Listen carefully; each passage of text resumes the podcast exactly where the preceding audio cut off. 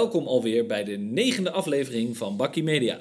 De podcast over marketing, communicatie en media die ervoor zorgt dat jij mee kunt praten met jouw collega's bij het koffiezetapparaat over alles wat er speelt in Medialand. Zo is het. Hey Daniel, we zijn er weer. Eh, alles goed met je? Ja man, en let op, rappapapapa, aflevering 9 met weer iets nieuws, toch? Jazeker, de hypotheken. Oh nee, dat is iets anders. Nee, wij, wij blijven ook gewoon door innoveren. Eh, want vandaag zijn we officieel niet meer met z'n tweeën, Daniel, voor de aflevering. Nou, ho, ho, ho, ho. Eh, Nog steeds de basis Bakkie Media Crew hier, maar we hebben een gastquoter. Heb je weer een eh, nieuw woord geïntroduceerd, de gastquote. Wat, eh, wat is dat? Nou, kijk, weet je, we zitten hier in een klein hokje en we zijn er nog een beetje te verlegen om iemand hier uit te nodigen. Weet je wel, het is misschien ook een beetje krap. Ja, dat is een beetje, beetje krap hier. beetje Bij de haven, ja, dat, dat past niet met z'n allen in deze ruimte. Maar wel heel gezellig. Maar we hebben dus een vriend van de show uitgenodigd om een stelling te droppen. En daar wil ik graag met jou even op reageren. En die vriend is Willem Albert Bol, Business Development Director bij de persgroep, toch? Ho, ho, DPG. Oh ja, sorry, DPG. DPG.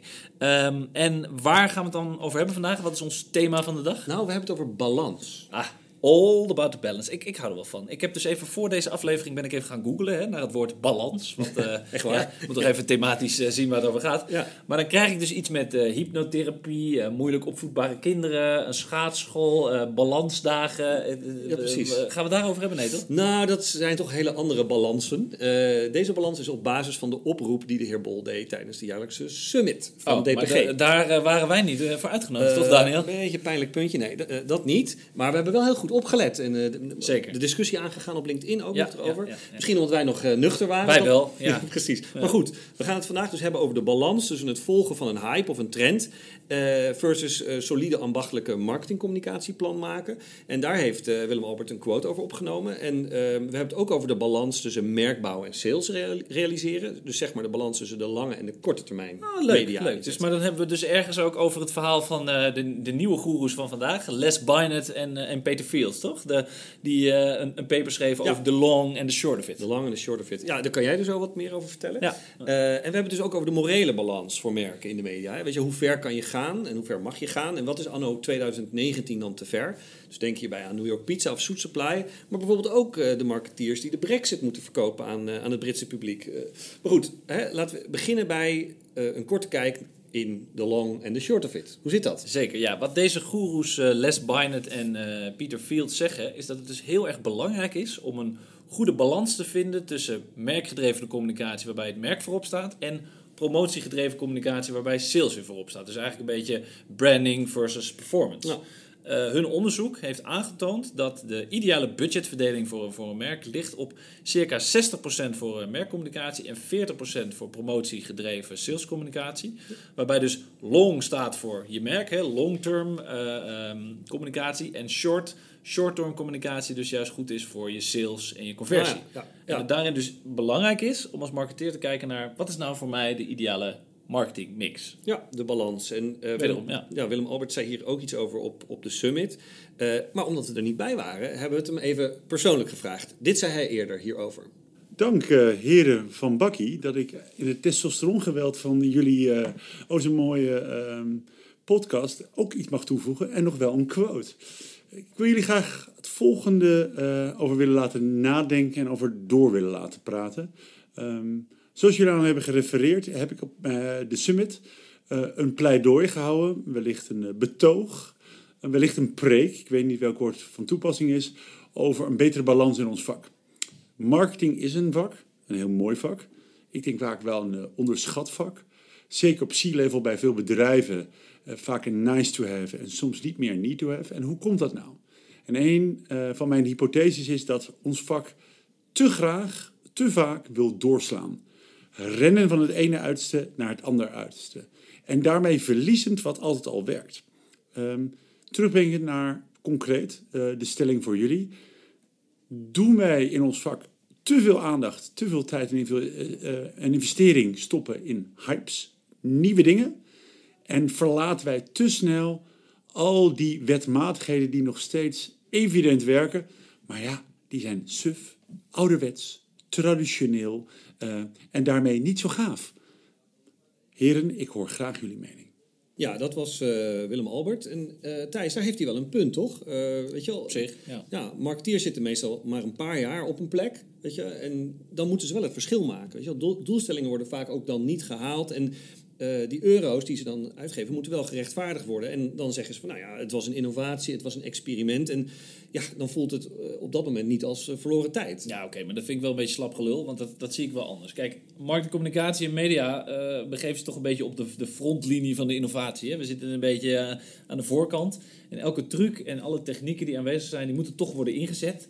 En er wordt altijd gesproken door merken over, ik wil een media first hebben. Dus ik wil de eerste zijn die dat uitprobeert. En door de digitale en mobiele revolutie volgen deze ontwikkelingen zich ook steeds sneller en sneller op. Dus hier moet je wel als merk bovenop blijven zitten, Daniel, vind ik. Ja, oké, maar come on. Je- Weet je, je ziet toch ook dat iedereen bovenop op, op elke trend springt eh, momenteel. Hè? Eh, dan is het weer blockchain, dan is het weer Internet of Thing, eh, weet je, dan heb je big data. En neem bijvoorbeeld influencer marketing. Weet je wel, binnen hele korte tijd zet iedereen het in werkelijk en poppen allerlei adviesbedrijfjes uit de grond. En al vrij snel komen dan de berichten van, eh, weet je wel, fraude met nepvolgers, stembots, weet je wel, dat, er- dat er allemaal gebakken lucht eh, ook in zit. Weet je wel, knullige amateuristische endorsements van influencers. Het is een beetje zoals dat je hè, eh, jong talent veel te vroeg in Oranje laat debuteren, weet je wel, en dat het daarna helemaal misgaat. Ja, een beetje zoals Mar- Marco van Basten deed met eh, Romano Denneboom Ja, of, eh, of Dave van den Berg. Maar oké, nee, maar dit, dit ben ik niet met je eens, Daniel. Kijk, ik vind dus juist dat je het wel moet proberen. Hup, we lekker die talenten invallen. Neem nou bijvoorbeeld een Ajax van vorig jaar. Weet je, het was een, was een, een voorbeeld van een aantal eh, ervaren jongens met een hele boel talenten. En die hebben ervaring opgedaan. Nou, dat moet dus ook met innovaties. Weet je wel, snuffelstages, AB-testen. De nieuwste hype, growth hacking. Wij willen graag iemand die een growth hacker is. Dat is toch helemaal nieuw, nieuwe trend? Ja, nee, goed. Ieder heb je- merk wil dat. Daar heb je een punt. Maar goed, Ajax heeft dat dan, doet dat dan ook op een hele gedegen manier. Dat ze dan af en toe een talent eh, eventjes la- een paar minuten laten invallen. En dat uitproberen vind ik ook prima. Hè? Begrijp me goed. Maar bepaalde beproefde methodes worden vaak door jonge marketeers over het hoofd gezien. Weet je wel, laatst kwamen we er in een van onze eerdere bakkies samen achter dat mailmarketing veel te vroeg is afgeschreven. Dat Ja, dat supergoed werkt. Weet je wel, en ehm, dat komt dan alleen maar omdat iedereen mee wil hypen en dat eh, mail, mails onterecht als heel erg saai worden gezien. Nou, oké, maar dat is dan weer, hè, dan komen we weer terug op ons generatiedingetje. Maar goed, weet je, het, het gaat in deze aflevering dus even niet daarom. Laten we even bij het punt blijven. Het gaat over balans. Dus Ja. waar ligt hier dan wel de balans? Nou ja, dat je als marketeer voorzichtig moet doen met, laten we zeggen, papa en mama's geld. Eh, een beetje experimenteren, maar dan bijvoorbeeld maximaal 5% van je budget. Ik noem maar wat. En, en vergeet dan ook niet die oude, proven, vertrouwde middelen. Oké, ja, nee, ik hoor wat je zegt. Maar eh, hebben we hier dan ook voorbeelden van, van merken die, die goede balans hebben? Nou, ik ben er even na gaan denken. En ik weet vanuit ervaring bijvoorbeeld dat een Heineken daadwerkelijk ook experimentbudget heeft. Dus 5, 5 tot 10 procent Nou, eh, budget om te experimenteren. Maar toch brengen ze dan weer het oude vertrouwen biertje terug. dus oud, maar toch ook nieuw. Conservatief en toch ook vooruitstrevend. Ik ben een beetje in de war. Hè? Maar waar ik dus wel aan denk is bijvoorbeeld een merk als eh, Bol. En dan niet aan Willem Albert Bol, maar eh Is ook een merk. Is ook een merk, ook een merk aan zich. Maar daar, daar denk ik dan aan, Bol.com. Eh, en dan bedoel je dat zij een goede balans hebben in hun Nou marketingactiviteiten. ja, inderdaad. Dat, ze zijn eigenlijk 100% een, een marketingmachine. Hè? Die gedegen, betrouwbaar marktleiderschap uitstralen. Ze zijn heel fris, ze, houden, ze hebben leuke acties, leuke campagnes, ook leuke inhakers. Eh, verder beheersen ze, wat mij betreft, alle facetten van het marketingvak. Hè? Ze, ze zijn in staat om een merk te bouwen. Eh, ze bieden ook goede service, een breed assortiment. Ze haken in op de trends, hè? De, de marketplaces. Ze hebben een goed CRM-systeem. Ehm, en uit recent onderzoek van, van mediabureau Media Explain blijkt dus dat 9 van de 10 Nederlanders al bij bol.com hebben besteld in het kader van open deuren. Nou ja, de open deuren is dan voor de bezorgers weer heel Ja, fijn. maar goed, oké, Bol- eh, Bol.com is groot, maar waar, toch even dieper graven, waar blijkt die balans dan nog meer uit wat jou betreft? Nou ja, aan de ene kant is, is bol.com natuurlijk een soort e-commerce gigant. Hè? Een online speler die een, een solide digitale marketingstrategie in haar vezels heeft. Waarbij ze alle facetten van online advertising wil gebruiken. Een hele goede persoonlijke eh, targeting hanteren. Maar tegelijkertijd innoveren ze wel en durven ze te experimenteren. Hè? Door naar eh, goed Amerikaans voorbeeld van Amazon binnen twee uur in Amsterdam te gaan bezorgen op een zaterdag. Nou, dat is toch geweldig dat je dus gewoon boem, je doet een bestelling en twee uur later staat het bij, je- ligt het bij op de deurmat. Ja, nou ja. Ik vind het wel sterk, goede balans. Het, hij nu iets zegt, ik, moet, ik moest even denken aan dit weekend lag er bij ons in de bus ineens de, de feestdagen catalogus eh, van Bol. Weet je wel? En wij kopen echt superveel kinderspullen, speelgoed en dergelijke voor de verjaardagen bij bol.com. Dus wij vonden die gids een beetje richting de feestdagen echt helemaal prima. Dus in die zin ook heel erg slim Ja, Toch een weer. beetje denken aan die, aan die Intertoys eh, speelgoedgids. En ze weten natuurlijk heel goed wat voor doelgroep jij bevindt. Ja, Want jij bent nou, van, het oude, van het oude media een beetje. Met Offline jouw, eh, targeting. Met jouw generatie offline targeting. Ja. Dus dat werkt, weet je, dat, bij Intertoys werkt het ook als een dolle. Dan zaten die kinderen gewoon bij de brievenbus te wachten totdat die bam, die enorme gids eh, binnenviel. Maar dus dat oude en toch bewezen principe durven ze bij bol.com toch uit te gaan voeren. Vind ik wel, wel slim bedacht. Nou ja, dat is, dat is inderdaad een, een goede mix, een goede balans. Maar er is ook wel kritiek. Hè? Ik bedoel, financieel, ze maken al jaren geen winst bijvoorbeeld. Nee, oké, daar heb je terecht punt. De- hun financiële balans is nog een beetje ver te zoeken. Die is niet echt op orde. De focus die, die slaat wat mij betreft ook wel door naar, naar investeren en nog even niet naar, naar winst pakken. Ja. En je ziet dat bijvoorbeeld ook bij een partij als, eh, als Zalando, dat die balans niet gevonden is. Dus daar is heel veel kritiek ook over in de, in de retail-industrie. Maar daar ligt nog wel eh, de komende jaren wel een uitdaging voor deze online merken. Om, om die balans ook op orde te krijgen, denk ik. Ja, nou ja, en ook als ik die artikelen dan een beetje lees met, met hun strategieën en hun plannen, weet je, heel groot, heel eh, ambitieus. En ik vraag me dan ook wel eens af of ze niet te veel willen, weet je. Ik moet ook een beetje denken aan bijvoorbeeld het, het ABN AMRO-verhaal, heel mooi beschreven in, in De Prooi, ga dat lezen. Eh, weet je wel, een mega ambitieuze bank, marktleider, te groot voor het servet, maar te klein voor het tafellaken, megalomane internationale Ja, oké, maar weet je, je moet, we moeten wel ook niet Nederland groter maken dan het is. Hè? Kijk, in, in ons taalgebied houdt groei natuurlijk een keer op. Ja. Eh, ook als je kijkt naar de ontwikkelingen van een Amazon en Alibaba, die, eh, die toch ergens een keer deze kant op gaan komen. Dus dat betreft stopt dat ook een keer hoor. Ja, ik zat te denken, weet je, deze hè, referentie aan eh, weet je, ABN AMRO de prooi is wel een mooi bruggetje naar het volgende punt. Want hoe zit het met de morele balans, weet je wel? Wat gaat te ver en wat niet? Moeten de makers meer verantwoordelijkheid nemen voor hun uitingen bijvoorbeeld? Nou, ik vind het wel een hele interessante vraag. Weet je, we hadden het daar natuurlijk voorafgaand hieraan eh, eh, ook al even over. De, de overheden gaan nu steeds meer ingrijpen. Ik bedoel, Nederland zien we natuurlijk al een betutteling van de samenleving, maar in Engeland zijn ze helemaal eh, doorgeslagen. Want onlangs zijn door de Britse reclamecodecommissie, de ASA, zelfs twee commercials van merken verboden. En in dit geval van Volkswagen en Philadelphia smeerkaas. Dat ging er dus over dat in, in Engeland is er een wet geïntroduceerd die genderstereotyperingen verbiedt. Eh, ik vind het best wel ingrijpend. Nou, je kunt deze commercials ook zien in onze show notes. Maar even kort, eh, bij de Volkswagen commercial eh, zie je mannen een beetje stoere dingen doen. Hè, de avonturier zijn of astronaut zijn.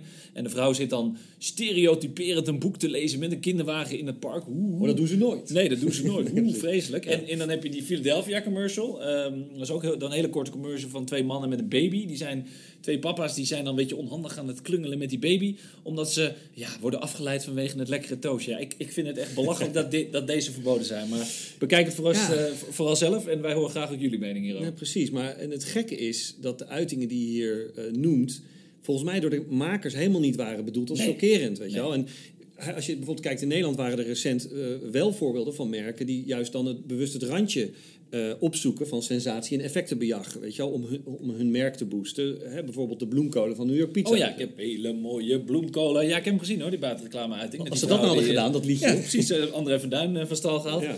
Maar eh, je had natuurlijk ook, eh, om daarop in te gaan, die, die, die ophef rondom eh, de Suit Supply campagnes van Ja. het afgelopen jaar. Vorig jaar was er een campagne over twee mannen die met elkaar zoenend op straat, in het straatbeeld verschenen. En een tijdje geleden had je natuurlijk ook die campagne van die vrouwen die op een uitdagende manier werden gefotografeerd met kleine mannetjes die over hun borsten liepen. En In mooie Nederland- in mooie pakken, ja, waar heel Nederland er weer over viel. En, en waar Fokke de Jong voor geïnterviewd werd, hè, de, de eigenaar van Suit Supply, om uitleg te geven aan Nederland hoe die dit had kunnen doen. Oh, oh, oh, ja, goed. En, maar goed, dan de vraag, hè, dat is het thema van onze uitzending. Waar zit dan hier de morele balans of juist het gebrek daaraan?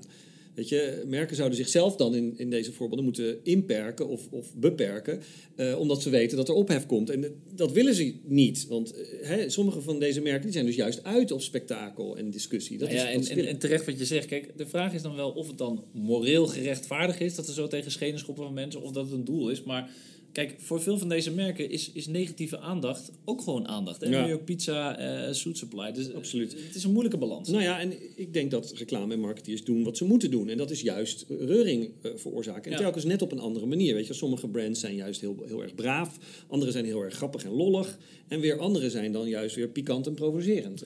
Ja, en dan om weer even terug te komen op die stereotyperingen. Er wordt toch juist ook stereotyperingen, die worden toch ook juist gebruikt om een bepaalde herkenbaarheid bij de massa en de consumenten te creëren. Denk bijvoorbeeld aan eh, wat we vorige week besproken, over het, eh, het, eh, besproken hebben over het, over het gezicht van Albert Heijn met Ilse. Ja.